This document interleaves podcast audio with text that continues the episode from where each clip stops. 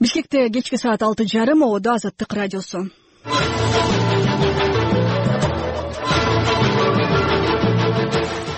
саламатсызбы? Азаттык радиосунун он алтынчы январь шаршемби күнкү кечки берүүсүн улантабыз. Алдыдагы жарым саатта апта темасын сунуштайбыз. Анда ата энесинен алыс.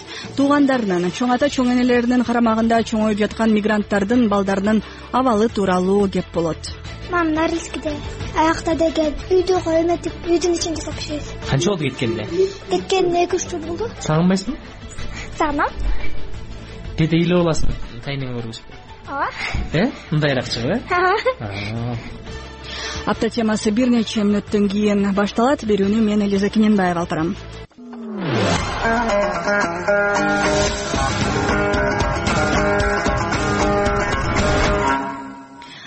кезек эми апта темасында бүгүн биз ата энесинен алыс туугандарынын чоң ата чоң энелеринин карамагында чоңоюп жаткан мигранттардын балдарынын абалына кайрылдык адегенде оштон баштасак буга чейинки расмий эсептөөлөргө караганда ош шаарында ата энеси эмгек миграциясында жүргөн бир миң төрт жүздөй бала бар.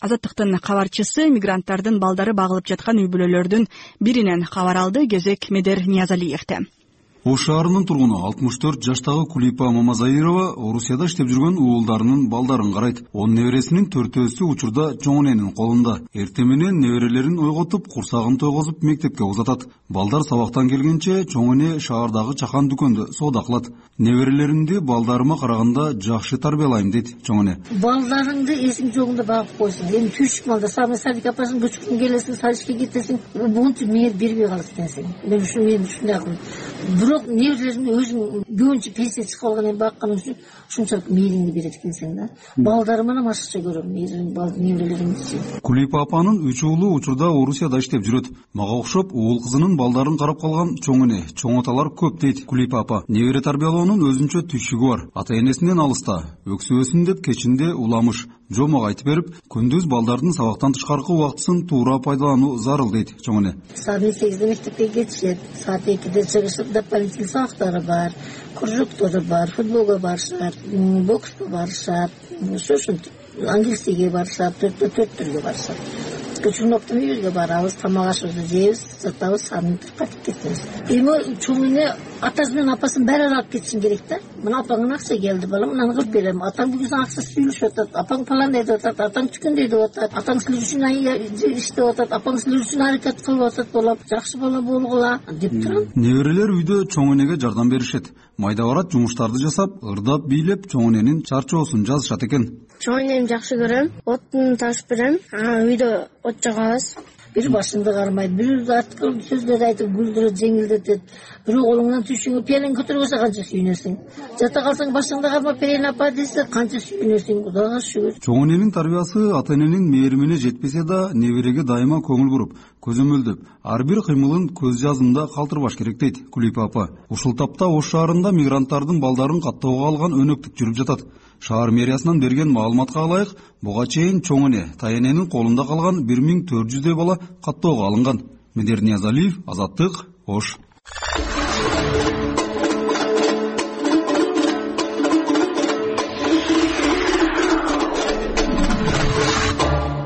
апта темасын улантабыз. Ушул тапта ысык көлдө жергиликтүү социалдык коргоо кызматтарынын өкүлдөрү ата энеси миграцияда жүргөн балдардын ал акыбалын сурап жүрүшөт. Социалдык өнүктүрүү министрлигинин облустук бөлүмүнүн маалыматы боюнча ысык көл аймагында алты миңден ашуун мигрант үй бүлө катталган. Кабарчыбыз асейин мадамбеков соц кызматкерлери менен бирге кара кол шаарындагы дал ушундай мигранттар бар үй бүлөлөрдү кыдырып келди. Алгач сексен сегиз жаштагы бүүшай жайсаңбаеванын үйүнө баш бактык канчага чыктыңыз апа сексен сегизге келдим го. Сексен сегизге? Токсондоп баратам. Бул неберелериңизди өзүңүз багып атасызбы? Бул жана бери карачы сен ким элең сымбат э муну мен карайм. Кызым бул үйдө. Биз менен. Ал өзүнүн кызын карайт эки кыз окуйт. Фатима адеми бул өзүңүздүн небереңиз? Же мен жээн неберең? Тайэне тайэне тайэнесизби мамасы россияда. Папасы өлүп калган. Алты ай ичинде калган кыздын. Бүүшай апа багып жаткан жээн небереси сымбат он жашта. Азыр үй каттарын үйдө жүргөн бөлөлөрү менен чогуу жасайт. Биз барганда үйүн тазалап жаткан экен. Мамам норильскийде россияда норильский шаарында. Эмне кылып атат аякта? Аякта деген үйдөгү эметип үйдүн ичин жасап биширет канча болду кеткенине кеткенине эки үч жыл болду. Качан кирип кетти? Акыркы жолу? Акыркы жолу. Мен үчүнчү төртүнчү класс окуп атканда кирип кеткен андан бери телефондо эле сүйлөшүп каласыңбы ооба сагынбайсыңбы сагынам. Кээде ыйлап аласың? Тайнеңе көргөзбөй. Ооба. Э? Мындайракчыбы э ооба. Гүлш айапанын кызы орусиядан айына акча жөнөтүп турат. Ал акча жана өзүнүн пенсиясы менен тиричиликтерин өткөрүшөт. Үч миң сомдон эки миң сомдон салат. Бул кызыңын эле окуп окуу тетират бетират барган турганда жетет. Меники өзүм көзүмө жетет. Тамак ашыбызды алып алабыз. Жатабыз кудай деп. Мигрант балдары бар үй бүлөлөрдүн бири жыргалбек исабаевдики мына мигранттар. Француз сага кетти омас франциядабы аты франц кличкасы француз жыргалбек эки жээн небересин багат экен. Алар кичүү кызынын балдары кыз күйөөсү ажырашып кетишкен. Кызы азыр эки баласын өз ата энесинин колуна берип өзү орусияда жалгыз боо иштеп жүрөт. Балдарынын экөө тең мектепте биринчи жана төртүнчү класстарда окушат. Жыргалбек жубайы экөөлөп неберелерин колдон келишинче кем качы жок багып атышканын айтты. Азыр деген техника жетишкен whatsapp менен күнүгө сүйлөшөт. Эртең мененден баштап жатканга чейин эле өңү түсү көрүнүп турат телефон менен сүйлөшүп эле жыргап атышат да эмне. Ал биз кичинекейинен биз чоңойткондон кийин алар как будто абасы эжесиндей эле болуп калат экен биздин ата эне деп бизди ата тайэне дебейт азыр. Ата эне деп эле биздин бала болуп калды чоңойтуп атабыз сүтүп эле. Азыр өзлөрүнөн деле сурасаңар боор дешет ал тиги энеси атасы келгенде эмне келет дагы бир жыта жыттап жыттап коюп кайра кетет болду. Калганы тиги сагыныч тарагандан кийин биздин колдо? Канча болду кеткенине уже беш жыл беш жыл болду айтып атпаймынбы сегиз айынан тиги биз чоңойттук мына экөөнү тең элечи балдардын тайэнеси света исабаева эки жээн небереге чынчыл тарбия берүүгө аракет кылып жатабыз дейт. Чындап келгенде биз баланы да мындай тарбиялайбыз да бул сенин энең бул энең биз болсо чоң энең чоң атаң же болбосо тай атаң тайэнең деп мындай үйрөтүп атабыз. Ал да энесин да билсин да а так жалаң эле биздин мээримизди көрө берсе бул бала башкача чоңоюп калышы мүмкүн. Кара кол шаардык эмгек жана социалдык өнүгүү башкармалыгынын башчысынын орун басары улан иетбеков шаарда ички жана тышкы миграцияда жүргөн үй бүлөлөрдүн саны төрт жүз жетимиш тогузду түзөт дейт. Он төртүнчү январга карата э, төрт жүз жетимиш тогуз үй бүлө анын ичинен сексен беш үй бүлө ички миграцияда жүргөндөр үч жүз токсон төрт сырткы миграцияда. И ошол төрт жүз токсон төрт жүз жетимиш тогуз үй бүлөнүн алты жүз отуз тогуз баласы биякта кол жасап атат социалдык коргоо министрлигинин облустук райондук бөлүмдөрүнүн райэкимчиликтин айыл өкмөттөрүнүн өкүлдөрү облус аймагындагы мигрант үй бүлөлөрүнүн абалы менен таанышып мигранттардын балдарына социалдык паспорттарды берип көзөмөлгө алып жатышат. Социалдык өнүгүү министрлигинин ысык көл облустук социалдык өнүктүрүү жана мониторинг бөлүмүнүн башчысы максат курманалиев мигрант үй бүлөлөрүнүн жашоо шарттары бир кылка эмес экенин белгилеп өзгөчө камкордукка алынышы керек деди. Биз э, кыдырып жатканда мигранттын жанагы кыдырып жаткан үйлөр учетко алынган үйлөр деген бири бирине окшошпойт. Кээ бирөөнүкү өтө оор чындыгында. Ал жерлерди өтө оор болгон жерлерди биз э, контролду ошол жерге басым жасап көзөмөл жүргүзүүндө ошол жерге күчөтүүгө аракет жасадык. Себеби ал жерде көрүнүп турат ошо балдар кичинекей болгондугу менен жана көзөмөлгө таштап кеткен адамдардын дагы кепилдиги кичине азыраак экендигин байкап э, айыл өкмөттүн сосадисин ошол жерде түзүлгөн штабтарга э, көзөмөл жүргүзүүнү айрыкча басым жасоо жагын аракет кылдык. Жалпы облус боюнча эки миң он тогузунчу жылдын он биринчи январына карата жети миң эки жүз бир мигранттардын балдары такталган. Анын ичинен жети жашка чейинкилер бир миң төрт жүз кырк төрт бала болсо жети жаштан он сегиз жашка чейинкилер беш миң жети жүз элүү жети бала катталган. Ал эми мигранттардын алты миң бир жүз токсон эки үй бүлөсү такталып анын ичинен ички миграциядагылар бир миң алты жүз алтымыш бир сырткы миграциядагылар төрт миң беш жүз отуз бир үй бүлөнү түзгөн. Асейим адамбеков азаттык ысык көл облусу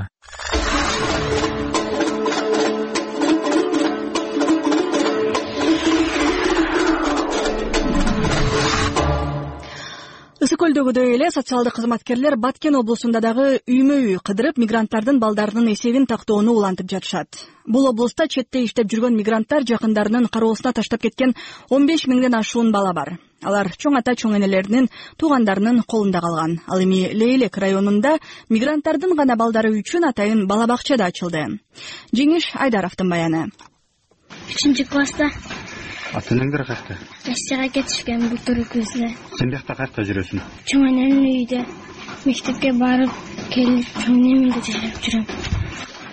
Башка дагы балдар барбы ушундай. Ооба ак таңкам бар ал дагы ата энеси россияда ата энесинин колунда мектепке барып. Он жаштагы адылга окшоп жакындарынын колунда калган балдардын саны так эмес. Болгону мектеп жашындагы ата энеси жакындарына калтырып кеткен балдар он беш миңден ашык экени айтылып жүрөт. Мындай ата энесинин мээриминен алыс болуп жакындарынын көзөмөлүндө гана калган балдар арасында кээде тартип бузууларга баргандары жакындары тарабынан зомбулукка тушкандары да чыга калат. Ар кандай жаман көрүнүштөрдүн алдын алуу абалды улам улам көзөмөлдөп туруу максатында аймакта атайын расмий топ түзүлүп жергиликтүү бийлик каттоо жүргүзө баштады. Бул болгону балдардын абалын көзөмөлдөп шарттарын жакшыртуу зарыл учурда жардам берүү максатындагы аракетибиз дейт баткен шаар жетекчисинин орун басары имигүлсүн рыскулова. Бул иш планда ошол балдарга карата ырайымсыз мамилелерди зордук зомбулук маселесин азайтуу аларга көңүл буруу көзөмөлдү күчөтүү ар кандай профилактикалык алдын алуу иштерин жүргүзүү маселеси иш чаралар киргизилген. Э, ошого ылайык баткен шаарынын мэриясы мына андан үймө кыдыруу иштери жүргүзүлө баштады. Үймө кыдыруу ишине негизи штатта он тогуз киши мүчө болуп эсептелет э, бир күндүн ичинде жети жүз элүү алты үй көрүлдү мына ушул жети жүз элүү алты үйдөн бир жүз кырк алты бала анда мигранттын балдары аныкталды. Ата эне мээриминен алыс болуп калганынанбы мигранттардын балдары тартуу болуп көп сырларын ичке катып табышмактуу мүнөз калыптанып калгандары көп. Анткени айыл жерлеринде калган мигранттардын балдары бала бакчага барбай коомдон четтеген муун пайда боло баштаганы мигранттардын балдары үчүн атайын бала бакча тарбиялоочу борбор ачууга түрткү болду. Инсаний элек коомдук фонду лейлек районунда мигранттардын балдары үчүн атайын борборду уюштурганы алты айлык бөбөктөр да бар дейт. Фонддун жетекчиси гүлнара дербишева. Борбор ушул мигранттардын балдарына биз арнап ачтык эле бул аябай көп бизге кайрылуулар болду ушул мигранттардын балдары чоң ата чоң эненин колунда тарбияланган туугандардын колунда тарбияланган э, турмушка керектүү баягы мамилени кантип түзүү керек кантип сүйлөшүш керек ушул кошумча дагы аябай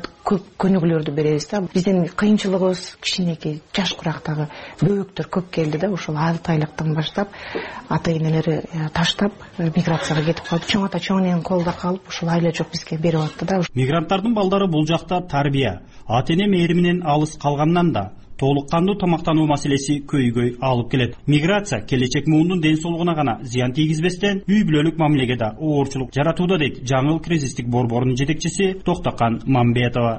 Көп жеткен мигранттар акча салбайт. Бул жерде пенсиясы эки миң үч миң алган пенсиясына эптеп un алып ошо атала кылып береби нан жаап нан чай менен эптеп карын тойгозуп отурушат.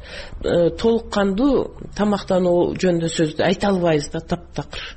Ошо мигранттардын семьялары менен иштеп атабыз. Толук кандуу питание берип аткан семьяны көрө элекмин расмий маалыматта баткен облусунан орусияда миграцияда жүргөндөр отуз миңден ашыгыраак киши деп айтылып жүрсө чынында жумуш издеп кеткендердин саны беш алты эсе көп. Анткени так каттуу жок дегендер бар. Жеңиш айдаров азаттык баткен. Башка облустарда мигранттардын балдарынын абалы кандай? Бул тууралуу биз бир аздан кийин билебиз. Азыр соңку жаңылыктар менен учкай таанышып алыңыз. Акш иранды спутник учурууда улуттар оюнунун резолюциясын бузганы үчүн айыптады. Иран орбитага акыркы спутнигин чыгарууда континент аралык баллистикалык ракеталарга тиешелүү технологияны колдонгону кабарланды кыргызстанда өнүгүү прогресс фракциясынын башчысы бакыт төрөбаев өкмөт жаңы кодекстер боюнча уят болду деп эсептейт. Ал бул тууралуу парламенттин бүгүнкү жыйынында билдирип жогорку кеңеште өкмөттүн маалыматын угууну сунуштады.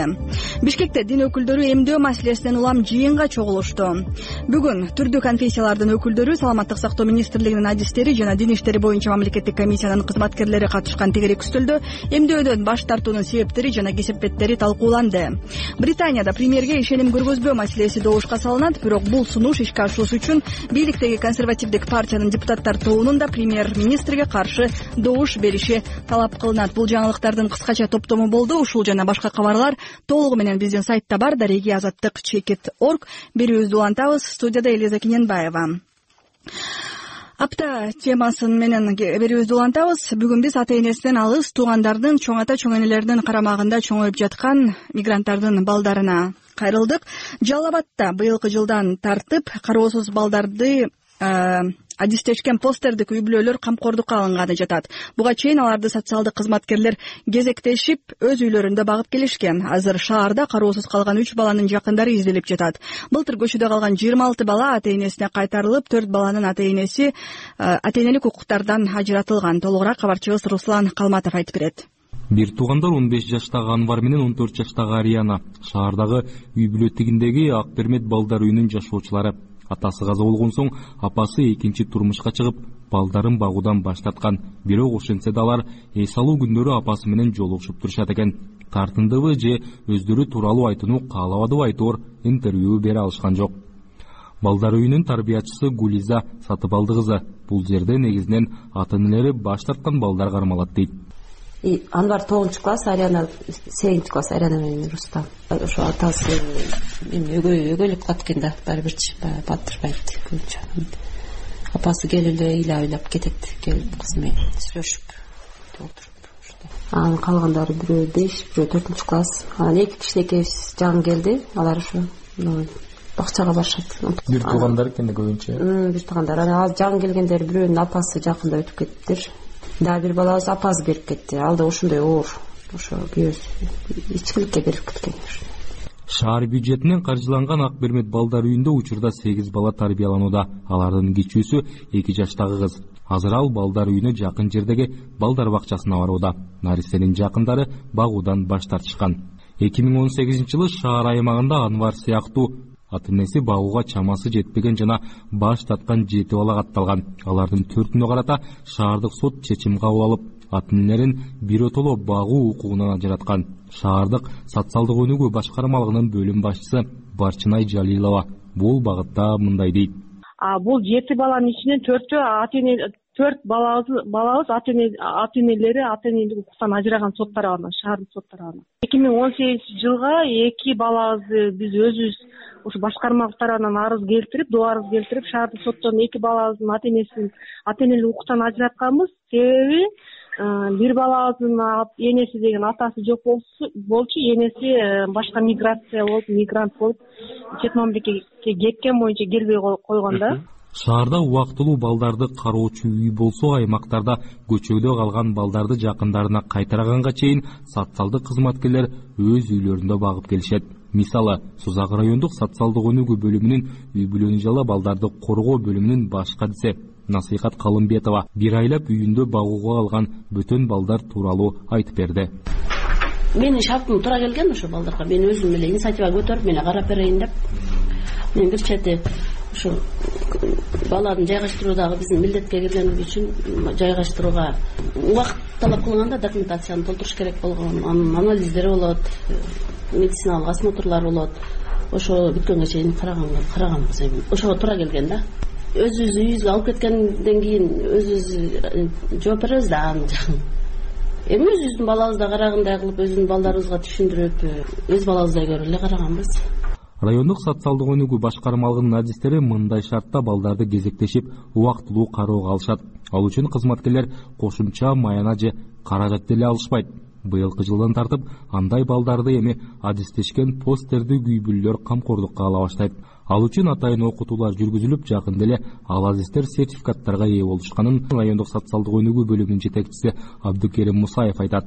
Семья дегенди давай ишке киргизбесек болбойт экен деп мурдакы вице премьер министр султанбекованын демилгеси менен кийинкиси да ошону улантып кетти өмүрбекова анан окутууну эки период менен окутту жетимиш эки саат окутушту отуз алты саат бир үч күндө дагы отуз алты саат үч күндө алты күн окутуп туруп үч семьяны даярдап берди бүгүнкү күндө мындай эмеге муктаждыгыбыз жок. Постерный семьяда тарбияланыш керек бала постерный семья он тогузунчу жылдан баштап иштей баштады он сегизинин акырында сертификатын алышты жалал абад облусунун аймагында учурда жүз кыркка жакын бала кароосуз калып жергиликтүү бийлик тарабынан каттоого алынган. Ал эми сегиз миң бир жүз үй бүлөнүн балдары азыр турмуш шарты оор абалда жашайт. Соңку эки жыл ичинде жалал абадда ата энеси таштап кеткен же жетим калган жүз он жети бала соттун чечими менен багууга берилген. Алардын көпчүлүгү кыргызстандык үй бүлөлөргө берилсе айрымдарын чет элдик жарандар багып алышкан. Руслан калматов азаттык жалал абад облусу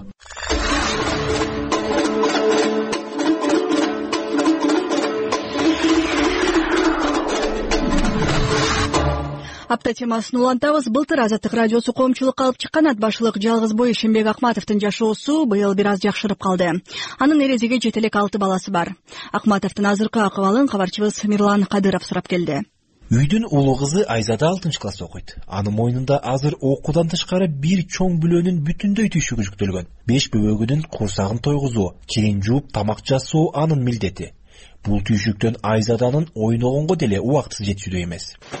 Мен деген бөбөктөрүмгө кирип жууйм дагы жасайм тамагын жасап берем камыр жууруйм кээ бирлерде чарчайт апам жанымда болсо сонун болмок ичип кетпесе деле мындай кыйынчылык болмок эмес келечекте деген журналистка болгум келет. Бул чоң бүлө өткөн жылы токмоктон көчүп келген алар ал жактан бирөөнүн малын багып күн кечирчү.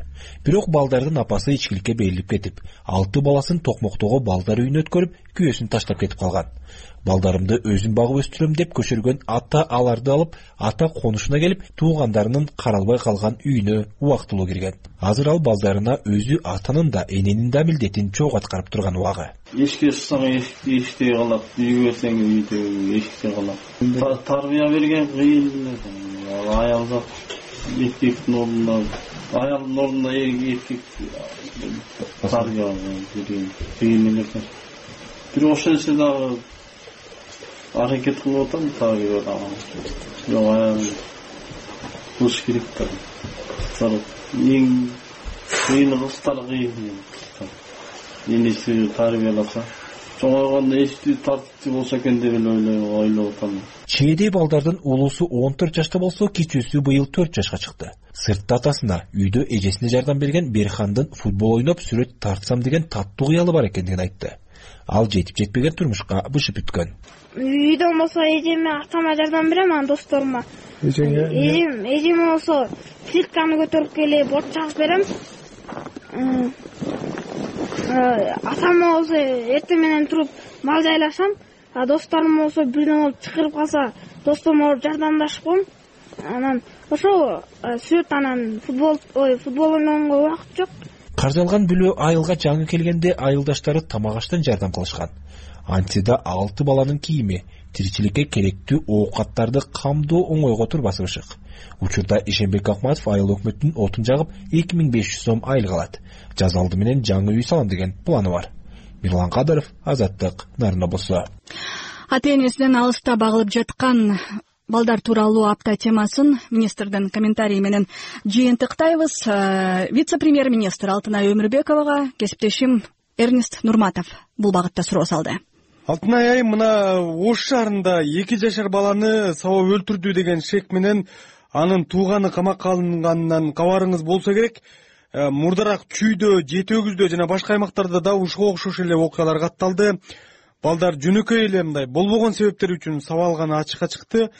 Сиздер бийлик өкүлдөрү ушуга окшогон үрөй учурган окуялардын алдын алуу үчүн кандай чараларды көрүп жатасыздар биз буга азыр эле эмес мындан мурда дагы чараларды көргөнбүз дагы деле көрөбүз декабрда эки кайындыда э, көлдө анан нарында жана эки баланын өлүмү болуп ошол жерде биз эки бирөө премьер министрдин астында селекторный бүт республика боюнча мен өткөргөм совещание. Ошол жерде ар бир республика боюнча биз штаб түзгөнбүз бул э, ошол э, бир он үчүнчү жылдары ошондой штаб болгон экен. Ошол балдарга карата зомбулук зомбулуктарды алдын ала иштер чараларды көрүү боюнча депчи. Ошол штабтардын баарын тең кайра иштеттик эң негизги максаты биз болсо азыр э, үймө үй кыдырып атабыз. Э, республика боюнча ата энесин кароосуз калган ата энеси миграцияда жүргөн же кандайдыр бир себептер менен балдар туугандарынын кол астында тарбияланып атса ошол балдардын тизмесин жасап атабыз. Август айында ошондой тизмени кылганда жүз жетимиш беш миң бала деп э, берилген да. Бирок ну жалпысынан жанагы в трудной жизненной ситуации деп коет да. Муну эми электрондук форматта болот бул онлайн база болот бул вице премьер министр алтынай өмүрбекова болду. Ага кесиптешим эрнест нурматов суроо салды. Ушуну менен апта темасын жыйынтыктайбыз. Бүгүн биз ата энесинен алыста өсүп жаткан мигранттардын балдары тууралуу кеп козгодук. Толкундан алыстабай туруңуз. Саналуу секундтардан кийин берүүбүздүн экинчи бөлүгүн баштайбыз